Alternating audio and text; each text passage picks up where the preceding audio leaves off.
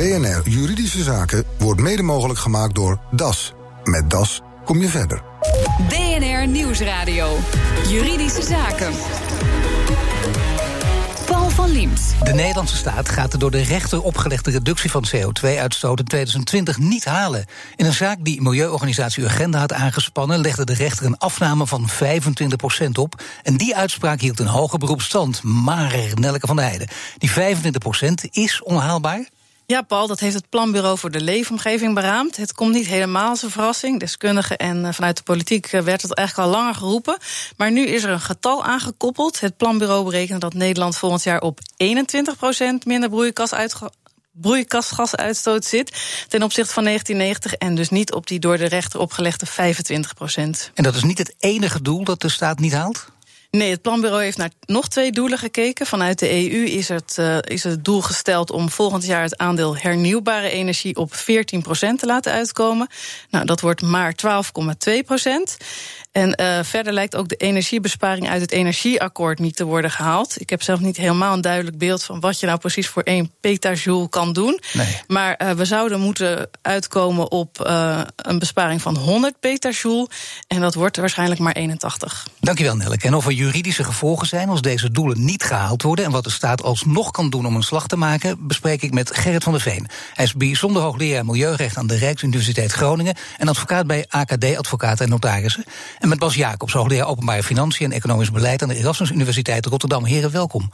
Goedemiddag. We beginnen bij uh, Gerrit van der Veen. Staat er een sanctie op het niet halen van de door de rechter opgelegde reductie? Nou ja, het arrest van het Hof van eind vorig jaar is, zoals dat dan heet, uitvoerbaar bij voorraad. En dat betekent dat je, ondanks de cassatieprocedure die nu loopt, als staat gewoon uitvoering moet geven. En dat was bij het vonnis van de rechtbank uit medio 2015 ook al zo.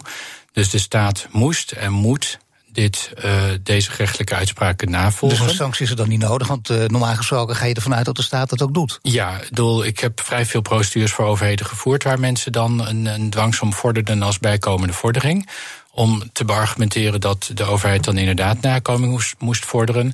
En dat was eigenlijk het standaard antwoord van, van mij. En dat werd dan ook in, in de vonnissen en, in de arresten wel, wel opgevolgd. Niet omdat ik dat zei, maar omdat dat de vaste leer is. Ja. Dat overheden gewoon de rechtelijke uitspraken nakomen. Dus dit is in zoverre wel bijzonder. Dat is wel bijzonder, ja. En misschien is er ook wel iets aan te doen. Laten we dat straks uitgebreider gaan bespreken.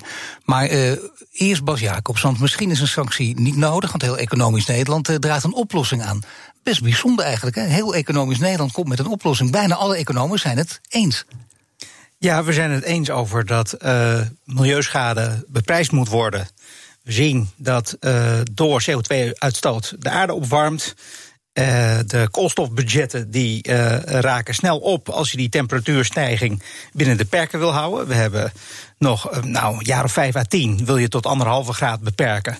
En nog een jaar of 25, 35 wil je tot 2 graden temperatuurstijging ja. beperken.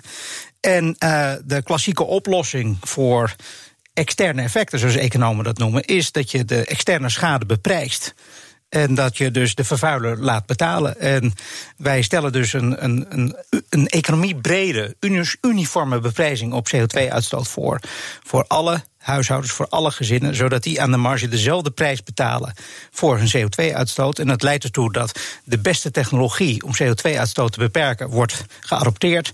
De opbrengst kunnen we terugsluizen in de vorm van lagere belastingen voor huishoudens of bedrijven, zodanig dat er niet meer belasting wordt geheven. Uh, we kunnen ook een deel van die opbrengst inzetten om nieuwe technologie te stimuleren. En op die manier wordt het mogelijk om wel uh, te voldoen aan die klimaatdoelstellingen die we in Nederland bijna, hebben logisch en, logisch en plausibel verhaal. Je zou bijna zeggen, al die klimaattafels en uiteindelijk komt die klimaatakkoord, hebben ze dit zelf niet kunnen bedenken. Ja, uh, dat hebben ze ongetwijfeld zelf wel kunnen bedenken. Maar aan de klimaattafel zitten ook uh, bepaalde belangen. En met name vanuit de industrie. En uh, die verzetten zich om begrijpelijke redenen tegen zo'n uh, zo'n CO2-beprijzing. Want zij hebben. Maar als ik nu... een stuk goed lees, uiteindelijk niet. Uiteindelijk komen ze er gewoon niet slecht op af. Want uh, degene die dan in een slechte concurrentiepositie terecht zouden komen, zouden dan een vergoeding krijgen. Of een compensatie krijgen. Maar natuurlijk is het zo dat je wil dat de. De, de vervuiler gaat een prijs betalen. Dus als je blijft vervuilen, ga je natuurlijk een prijs betalen. Wat wij willen is dat een CO2-belasting niet leidt tot hogere gemiddelde belastingen voor bedrijven. Maar dat betekent dat schone bedrijven natuurlijk gemiddeld wat minder gaan betalen en vervuilende bedrijven gemiddeld wat meer. Als het allemaal hetzelfde zou blijven, zou er natuurlijk geen prikkel zijn om te stoppen met vervuilen. Nee, nou zijn economen, en gelukkig maar, het vaak met elkaar oneens. Dat leidt tot hele mooie, spannende, scherpe debatten. Ik hou er wel van, maar uh, in dit geval zijn ze het allemaal eens. En dat is ook heel bijzonder, want dan kun je zeggen, er is, is er niet één die niet heeft willen ondertekenen. Nou, voor zover ik weet is Lex Hoogduin de enige econoom in Nederland die niet heeft mee kunnen, uh, willen doen. Nou, dat is er dan maar eentje. Verder dus echt allemaal uh, één lijn. Uh, alle economen in Nederland die je kent, en die hebben volgens mij ondertekend. Ik heb de lijst ook afgekeken. Ja, is echt het hele BNR-economenpanel van de afgelopen tien jaar staat er bij elkaar gewoon. En allemaal hebben ze het ondertekend, ja. ja.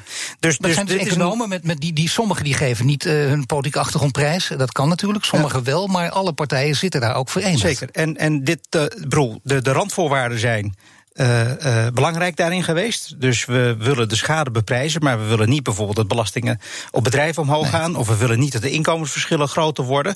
Dat zijn allemaal aparte politieke keuzes. Daar gaan wij als econoom niet over.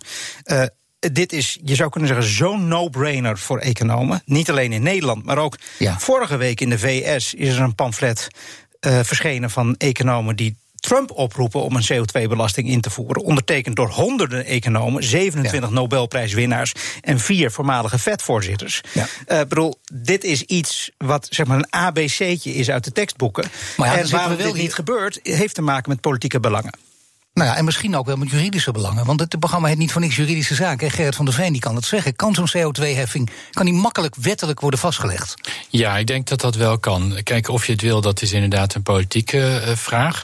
Maar we hebben in Europa een systeem ETS. Dat is een uh, CO2-beprijzingssysteem waar, waar een handelsmodel mm-hmm. achter zit. Dat laat onverlet dat je op nationaal niveau afzonderlijke belastingen kunt heffen. En dat gebeurt ook her en der. Soms voor bedrijven in combinatie met ETS en in andere landen afzonderlijk voor bedrijven die niet onder ETS vallen. Maar zo valt het te regelen om even buiten het jargon te blijven, dat het gewoon in, uh, binnen nooit in strijd zal zijn met Europese wetgeving als je dat handig doet? Nou, of je het nooit in strijd met Europees recht zult krijgen, dat, dat is natuurlijk altijd een, een, een vraag. Juristen gaan altijd zoeken naar een, een grensje. Maar in principe mag je dit zo doen. De EU gaat niet, althans niet heel erg veel, over nationale belastingheffing. En bij deze, uh, deze materie zien we gewoon al dat sommige lidstaten hun eigen belastingssysteem hebben naast dat ETS-systeem. Dus dan neem ik maar even aan dat daar geen, uh, geen strijd bestaat, anders hadden ze het niet gedaan. Dus dit is uiteindelijk ook de regel. Uiteindelijk zorgt het dan ook niet, als je dat ook weer goed regelt, Bas Jacobs, niet voor oneerlijke concurrentie. Nou, daar zit natuurlijk wel een punt van zorg. En uh, dus als je het puur economisch analyseert, uh, is het nu natuurlijk zo dat sommige industrieën uh, denk bijvoorbeeld aan Tata Steel. Die uh, zijn natuurlijk bang voor uh, een CO2-heffing. Want dat kan hun concurrentiepositie ten opzichte ja. van het buitenland. dat is ook de reden dat wij nu de, de energiebelasting op grootverbruikers extreem laag hebben staan. Dat is uit concurrentieoverwegingen. Nu blijkt Nederland in internationaal opzicht hele lage belastingen te hebben. In ten opzichte van onze omringende landen. Dus eigenlijk zou je kunnen zeggen dat onze bedrijven een oneigenlijk concurrentievoordeel hebben. Uh, dat met een CO2-beprijzing wordt weggenomen. Tweede is, is dat, uh, nogmaals, die, die opbrengst van die CO2-belasting wordt ook weer teruggegeven aan bedrijven. Zodanig dat ze gemiddeld niet meer belasting gaan betalen. om op die manier hun concurrentiepositie zien verslechteren. Drie, heel veel landen zijn al begonnen met zo'n CO2-belasting. Uh, bijvoorbeeld Verenigd Koninkrijk, bijvoorbeeld Zweden. Frankrijk uh, ook, de, ook Frankrijk. Ja. Dus wat belangrijk is, is denk ik dat Nederland aansluit internationaal en probeert een internationale coalitie te maken van landen om zo'n CO2-beprijzing internationaal in te voeren. En op dat moment vervalt ook het argument van een ongelijk speelveld en concurrentienadeel. Want als iedereen het doet, heb je dat nadeel niet meer. Maar als dus toch daar, mensen gaan roepen, ja, maar sommige van die staten bijvoorbeeld, ja, die gaan de weg uit Nederland. Uh, en uh, dan is het vierde argument, zelfs als dat dreigt, zou je nog een deel van de opbrengst van de CO2-heffing kunnen gebruiken om te zorgen dat die wordt teruggegeven aan die bedrijven die zeg maar zeer gevoelig zijn voor mogelijke uh, verplaatsingen of buitenlandse overnames. Uh, om te voorkomen dat ze daadwerkelijk vertrekken. En daarmee heb je nog steeds aan de marge de CO2-prijs goed staan. Maar gemiddeld zorg je ervoor dat zo'n bedrijf wat lagere belasting krijgt. Dus op die manier zul je er ook voor zorgen dat bedrijven als Tata Steel uh, hun vervuiling op een adequate manier beprijs zien. zonder dat ze de prikkel hebben om weg te gaan. Straks, hoe duur kan de agenda-uitspraak de staat uiteindelijk komen te staan? BNR Nieuwsradio. BNR Juridische Zaken.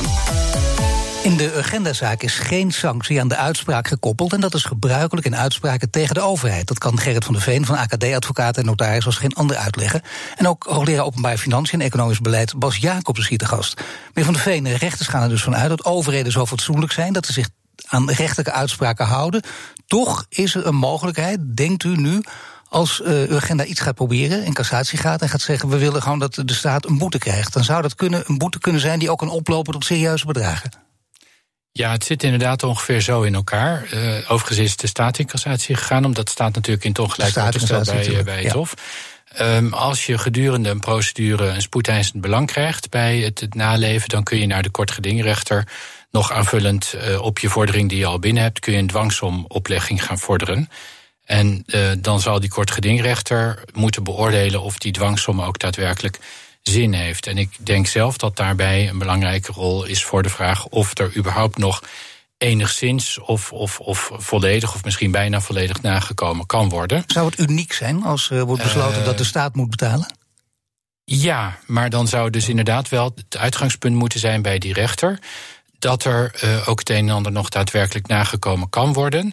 Want de gedachte van een dwangsom is dat de dwangsom een prikkel is om een partij de keuze te laten maken tussen het verbeuren, zoals dat dan heet, van een dwangsom, die dus ook voldoende hoog moet zijn. Wat is voldoende hoog? Eh, dan gaat het echt om miljoenen? Ja, dat denk ik haast wel. Als je kijkt ja. naar het belang van de materie en de, de kosten die waarschijnlijk ook gemoeid zijn bij het uh, misschien alsnog halen van die doelstelling. Maar goed, die rechter die zal dus moeten beoordelen Zeker. Of er uh, een reële kans is op het, op het halen, misschien ook van een aantal uh, wellicht tussendoelen in het geheel.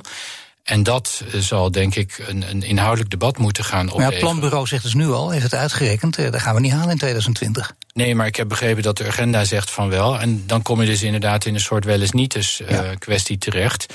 Waarbij het denk ik zo is dat er in ieder geval dichter bij het doel gekomen zal worden. En of kan worden. En dat zou dan wel interessant zijn, ook voor de rechter, om, om dat debat door partijen te laten voeren. Zou je uiteindelijk ook niet kunnen gaan zeggen: waarom zou je niet het debat voeren om standaard een sanctie te vragen?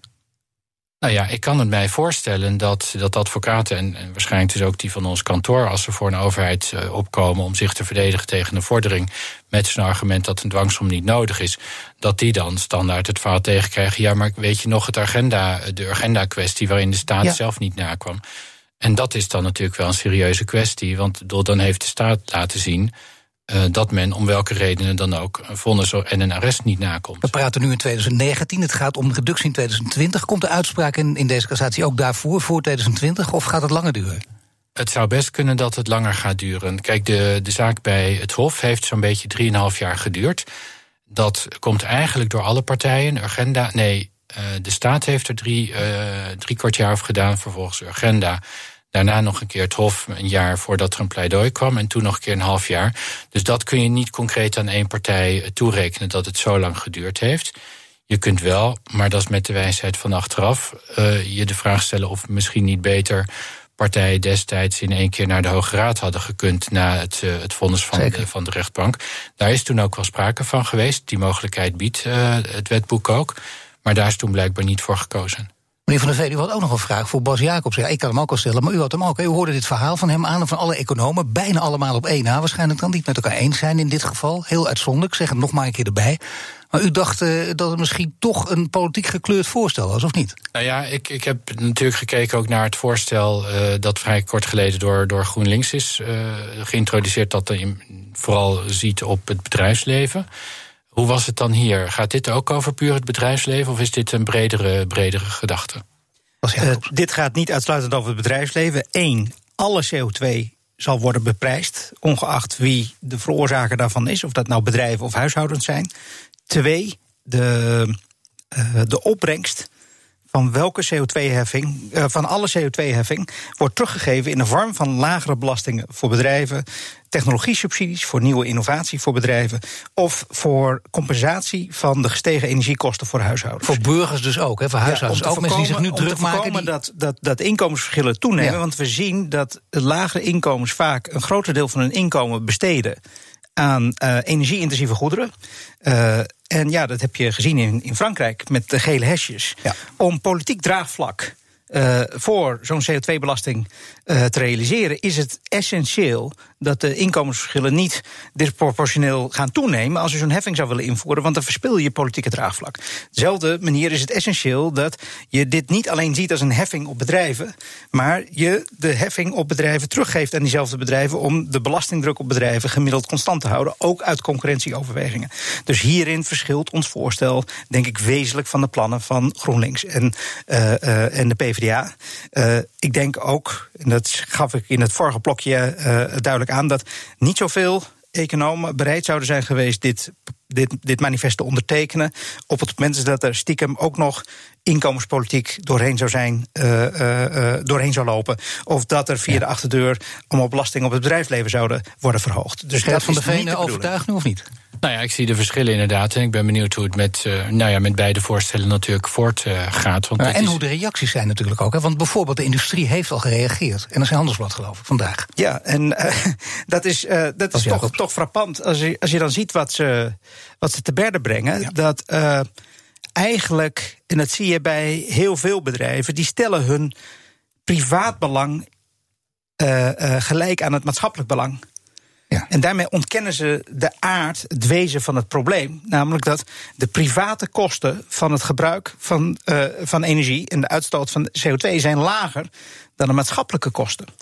En maar dat is iets anders dan dat ze het ontkennen. Dus, want dat zou dat ook een reactie kunnen zijn. Ze zeggen, nou, dat is flauwekul van milieugekkies. Nee, dat zeggen ze niet. Ze zeggen alleen maar van, wij willen er niet aan meedoen, want wij nee, moeten zoveel betalen. Ze zeggen wel, we willen meewerken aan het halen van de klimaatdoelstellingen. Maar wat in, het, in de hele reactie van het bedrijfsleven in het of nou ja, van die specifieke bedrijven in het NRC blijkt, is dat zij het maatschappelijk belang gelijkstellen met het bedrijfsbelang. En daarin zit juist het grote probleem. Dat is niet zo. Het maatschappelijke belang is dat de schade wordt beprijsd. En dat gaat direct tegen het bedrijfsbelang van deze bedrijven in. En vandaar dat het juist ook zo'n politiek contentieus thema is. Je moet nu uit maatschappelijk belang iets gaan doen wat misschien tegen het belang van die bedrijven is. Zou je die bedrijven niet kunnen zeggen dat ze op lange termijn daar zelfs voordeel bij hebben? En dat tegen de huishoudens trouwens ook. Als dit wordt ingevoerd, dan, dan is, is je beloning dat je over vijf jaar goedkoper uit bent. Zeker. En dus, dus wat wij als economen willen is dat die prijzen correct worden. Dat is gewoon eigenlijk wat wij aan het doen zijn, is het oplossen van de marktfalen. In de marktprijs zitten niet alle kosten van het verstoken van energie verwerkt. Het enige wat wij als economen zeggen, stop dat marktfalen. Het is, het is uh, je zou kunnen zeggen, kapitalisme per sang. En we hebben hier dus bedrijven die zich tegen marktoplossingen keren uh, om het milieuvraagstuk op te lossen. Dus dat is, dat is paradoxaal, maar dat komt omdat mogelijk het bedrijfsbelang botst met maatschappelijk belang. Hier. Komt bijna niet anders bij het onderwerp, eindigen we toch met een paradox. Hartelijk dank, Bas Jacobs, hoogleraar openbare financiën en economisch beleid aan de Erasmus Universiteit Rotterdam. En Gerrit van der Veen, bijzonder hoogleraar milieurecht aan de Rijksuniversiteit Groningen. Nieuwsradio. BNR Juridische Zaken. Paul van Liemt. Een vaste luisteraar van de podcast CryptoCast had een vraag over de disclaimer aan het begin. Verslag is van Nelke van der Heijden. Van der Leeuw, wij kregen een vraag binnen over podcast. En nou ben jij ons opperhoofd podcast. Waar ging die vraag over? De vraag gaat over uh, onze wekelijkse podcast, de CryptoCast. En die begint elke week met een stevige disclaimer. We geven geen beleggingsadvies. Wat er verder ook in deze uitzending wordt gezegd, uh, ga er niet vanuit dat je iets moet doen omdat wij het ook doen of wat dan ook. Nee. Iedereen doet zijn eigen onderzoek en neemt zijn eigen beslissingen. Nou, waarom is die disclaimer er? Dat, die zit erin omdat in de CryptoCast fictief belegd wordt. De twee hosts nemen het tegen elkaar op.